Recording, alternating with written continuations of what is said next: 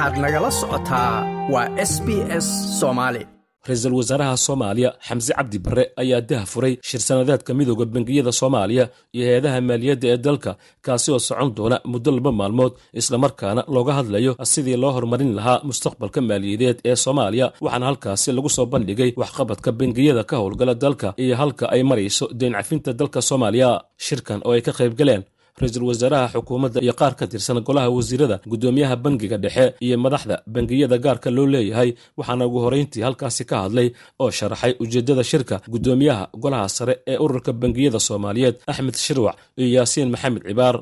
Shirka sanadkan waxaan diiradda ku saaraynaa ama tiimkeennu uu yahay mustaqbalka maaliyadda ee soomaaliya iyo isbedelada ka dhici kara future of finance transforming somalia's financial landscape ciwaanka shirka oo ballaaran awgeed waxaan dooranay inaan qodobada aan ka hadlayno aan aada u soo koobno sanadkan aan ku soo gudbino cilmi baarisyo laga sameeyey maaliyadda iyo adeegyada ay bixiyaan bangiyada. Waxaan rabaa inaan halkan ka caddeeyo in bangiyada iyo hay'adaha maaliyadda ay xiriir fiican la leeyihiin hay'adaha dowladda. Mar marka dambaysan la isku sii dhowaanayo aadna loo wada shaqeeyo aan rajaynayno in intaa aan ka sii ficnaan haddii u ilaah yidhaahdo waxaan rabaa inaan halkan ka sheego in bangiyada ay yihiin meesha laga qiimeeyo adduunka waddamada horumarkooda. Qaar ka mid a ganacsatada ka qayb gashay shirkan iyo madaxda bangiyada gaarka loo leeyahay ayaa goobta ka sheegay in marxalado kala duwan oo aad u adag ay ku soo shaqeeyeen bangiyada xilli duruufo kala duwan uu dalku soo maray. Waxaa la soo maray duruufo aada u badan dalku taariikhda cusub ee soomaaliya. Duruufaha dhibaatooyin badan leh oo isugu jiray kuwo amni iyo kuwo duruufo dhaqaalaha ama abaaro ama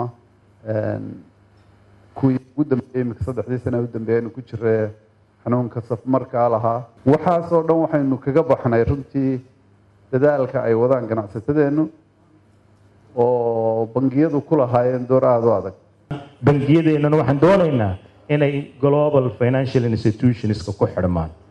Oo dee waddan isolated ma jiri karo. Waddan bangiyadan oo dhan waxay u baahan tihiin waxaynu la ganacsanaynaa aynu la shaqaysanayna waa caalam weey caalamka intiisa wanaagsan baynu la shaqaysanaynaa. Marka lama shaqaysan karo bangina kuma aamini karo haddaadan inagu isnadiifin haddaanan clean ahayn haddaanan compliance lahayn haddaanan sharci ku dhaqano lahayn waxaasoo dhan runtii muxuu ahaay ma isma isma difaaci karo. Ra'iisul wasaaraha xukuumadda federaalk ee soomaaliya xamse cabdi barre oo shirka dah furay ayaa ugu horeyntii waxa uu sheegay in dowladdu ay dagaal saddex jiho ah ay kula jirto kooxaha argagixisada sidaa darteedna ganacsatada soomaaliyeed looga fadhiyo inay kaalintooda qaataan. Waxaan rabaa inaan idinku hambaliyeeyo idiinna baarakeeyo shirkan bilowga idiin ah oo sanadlaha oo aan rajaynayo ilaah idankiis inuu guulo u dhaliyo. Waxaan rabaa inaan aniguna adkeeyo bangiyada doorka ay ku leeyihiin ganacsiga. Mararka qaarkood haddii sidaad horeyna tihiin oo aan saddex dhinac kaga jirno saddex jiho oo midka laga reebo militariga ah midka labaadna uu yahay dhinaca fikirka iyo caqiidada midka saddexaadna uu yahay dhinaca dhinaca finansiga.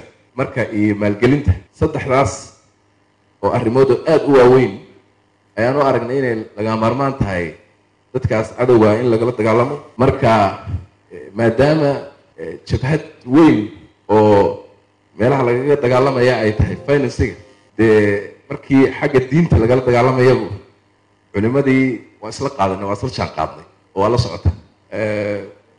Oo dhinacii fikirka meel fiican buu ka marayaa dhinaca militariga iyada shacabka soomaaliyeed isla jaan qaadno iyakana waa kuwa ilaa iyo xaradheere sii cayrsanaya sii burinaya nimankii. Dhinaca financigana waxaan rabnaa isla jaan qaadno haddii marka ay mararka qaarkood ay dowladdu soo saarto waraaqo hadday soo saarto talooyin digniino hadday soo saarto meesha wax u socdaani waana isla wada garanayno.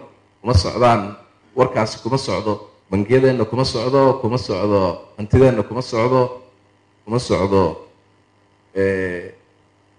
nidaamkeenna guud ee finansiga systemka kuma socdo.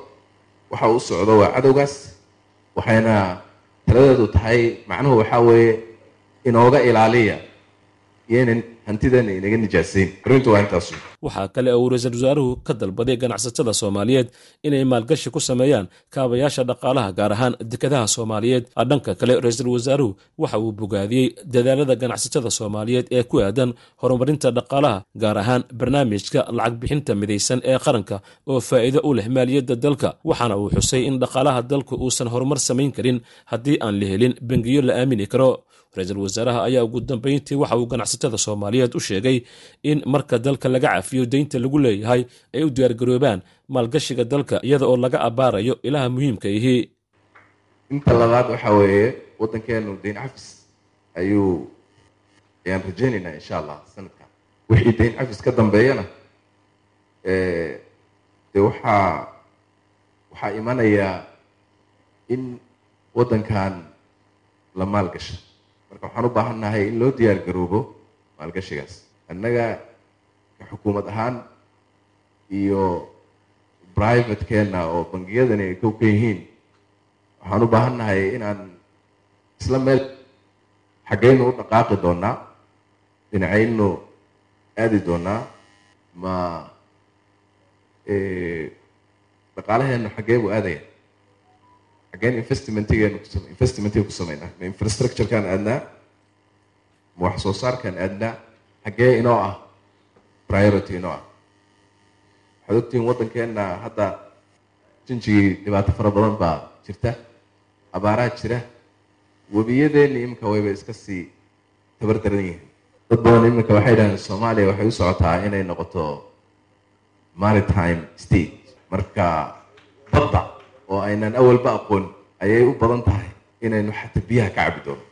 Marka alternative-ka jira waa sidaas maadaama webiyadii halis ku jiraan marka laba arrimood waa muhiim inaan ka fakerno biyaha dhulka hoostiisa ku jira oo aynan kuwan webiyaasha keliya aynaan ka fakerin iyo inaan badda u sii jeedsan oo aan nolosheenii baddaas weyn aan ka faa'iidaysano hadday noqoto biyo iyo haddii ay noqoto nolosha inteedii kaleba.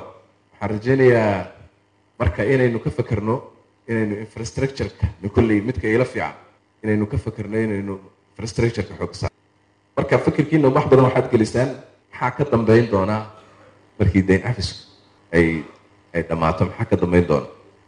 Taasna inaad xoog saartaan ayaan rajaynaya insha allah midowda bangiyada soomaaliyeed oo la aasaasay sannaddii laba kun lix iyo tobankii ayaa waxaa xubno ka ah ilaa iyo saddex iyo toban bangi oo ah kuwa gaarka loo leeyahay islamarkaana rugsad ka haysta bangiga dhexe ee soomaaliya waxaana shirka uga furmay magaalada muqdisho oo ah kii ugu horeeyey ee noociisa ah looga hadlaya fursadaha iyo caqabadaha horyaala bangiyada soomaaliyeed. Ma doonaysaa sheekooyinkan oo kale? Ka dhegayso apple podcast google podcast spotify ama meel kasta oo aad bodkastigaaga ka hesho